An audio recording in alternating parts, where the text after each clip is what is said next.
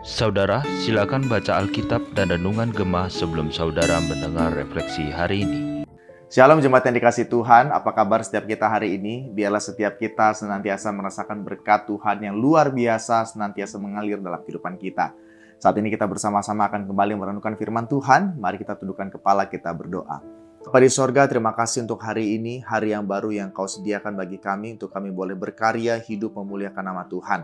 Saat ini kami bersama-sama akan kembali merenungkan firman-Mu, berbicaralah kepada setiap kami ya Tuhan, karena kami siap untuk mendengar. Kami siap untuk dibentuk oleh Tuhan, menjadi anak-anak Tuhan yang menjadi saksi di mana pun Tuhan tempatkan setiap kami. Kami serahkan Tuhan semuanya ke dalam tangan-Mu, hanya dalam nama Tuhan kami Yesus Kristus kami berdoa dan mengucap syukur. Amin.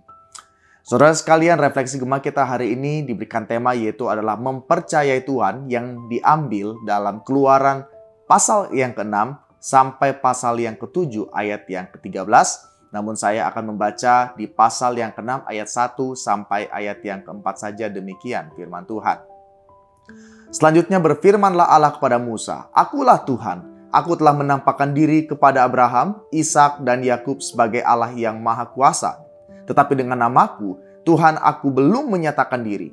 Bukan saja aku telah mengadakan perjanjianku dengan mereka untuk memberikan kepada mereka tanah kanaan, tempat mereka tinggal sebagai orang asing, tetapi aku sudah mendengar juga erang orang Israel yang telah diperbudak oleh orang Mesir, dan aku ingat kepada perjanjianku.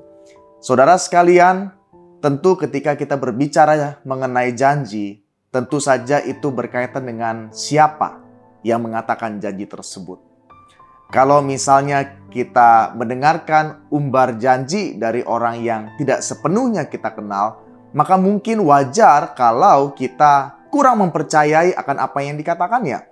Tetapi kalau kita sudah mengenal orang tersebut dan kita tahu orang itu selalu menepati janjinya, maka kita akan memegang janji itu sebagai sesuatu yang 100% pasti akan digenapi. Dan hal inilah yang kita lihat bagaimana orang Israel ketika dalam perjalanannya menjadi umat Tuhan, sungguh-sungguh belajar mengenal dan melihat bagaimana Tuhan berjanji kepada setiap mereka. Saudara sekalian, Tuhan berjanji melakukan tiga hal kepada orang Israel. Yang pertama adalah Tuhan akan membebaskan mereka dari perbudakan di Mesir, itu di pasal 6 ayat yang kelima. Tuhan mengkomunikasikan hal ini dengan memakai kata membebaskan, melepaskan, dan menebus untuk menunjukkan kelengkapan pembebasan mereka. Kedua, Tuhan akan mengadopsi orang Israel menjadi umatnya. Itu di pasal 6 ayat yang ke-6. Ketiga, Tuhan akan membawa orang Israel ke tanah perjanjian. Itu kita dapat melihat di pasal yang ke-6 ayat yang ke-7. Perhatikan pengulangan frasa aku akan. Sebanyak lima kali dalam ayat-ayat ini yang menekankan bahwa Tuhan pasti akan melakukan ini untuk Israel kepastian janji Tuhan ini ditekankan juga dalam pernyataan akulah Tuhan sebanyak tiga kali.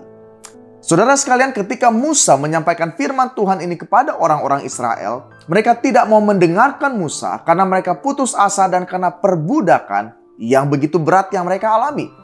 Mereka tidak mau mendengar apa-apa lagi tentang Tuhan dan janji-janjinya karena pada waktu terakhir kali mereka mendengarkan Musa, keadaan mereka justru menjadi lebih buruk. Pikirkanlah coba situasi ini. Betapa beratnya hati Musa untuk menyampaikan firman Tuhan kepada Firaun ketika umat Tuhan sendiri tidak mau mendengarkan dia. Musa mengeluh bagaimana mungkin Firaun mau mendengarkan dia. Kita bisa melihat di pasal yang ke-6 ayat 9 sampai yang ke-11. Jika Anda menjadi Musa, kira-kira apa yang akan Anda lakukan? Saudara tentu ini saja bukan menjadi satu hal yang mudah bagi seorang Musa. Penuh pergumulan dihadapi oleh seorang yang bernama Musa.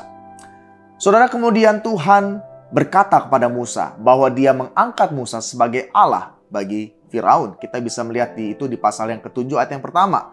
Dengan kata lain, Musa akan menjadi orang yang paling berkuasa yang patut didengarkan. Firaun sendiri dianggap akan menganggap dirinya sebagai Allah sehingga ia tidak menganggap Musa lebih tinggi dari dirinya. Firaun kemudian meminta Musa dan Harun melakukan mujizat untuk membuktikan otoritas ilahi karena mereka telah mengklaim bahwa Tuhan telah mengutus mereka. Hal ini sudah diantisipasi oleh Tuhan. Jika Firaun meminta tanda, maka Musa dan Harun harus berbuat seperti yang diperintahkan Tuhan kepada mereka. Saudara sekalian, Tuhan membuat mujizat dengan mengubah tongkat Harun menjadi seekor ular.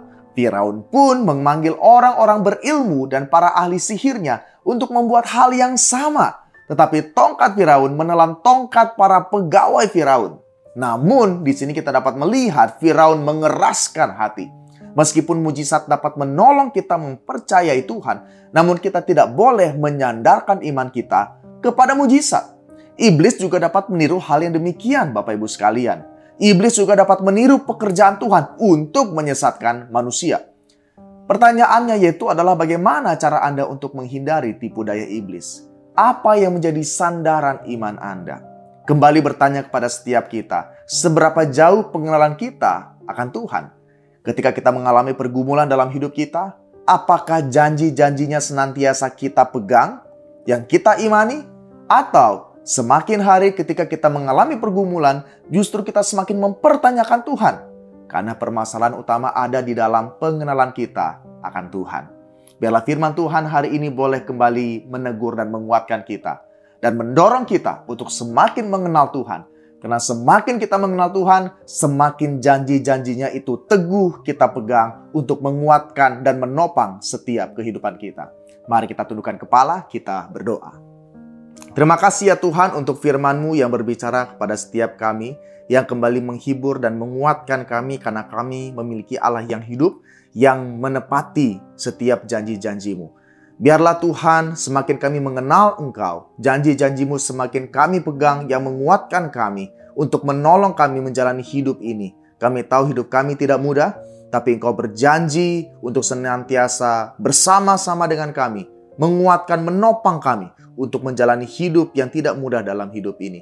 Biarlah Tuhan apabila kami mungkin mempertanyakan keberadaan Engkau dalam hidup kami, Ampuni kami ya Tuhan, mungkin kami kurang mengenal Engkau. Tapi biarlah melalui firman Tuhan hari ini boleh mendorong setiap kami untuk semakin mengenal Tuhan. Biarlah janji-janjimu semakin teguh kami pegang yang menguatkan setiap kami. Terima kasih ya Tuhan untuk firman-Mu yang hidup berbicara kepada setiap kami. Terima kasih ya Tuhan. Hanya dalam nama Tuhan kami Yesus Kristus kami berdoa dan mengucap syukur. Amin. Biarlah firman Tuhan ini boleh kita hidupi dalam kehidupan kita setiap hari biarlah hidup kita pun dapat menjadi berkat and have a nice day.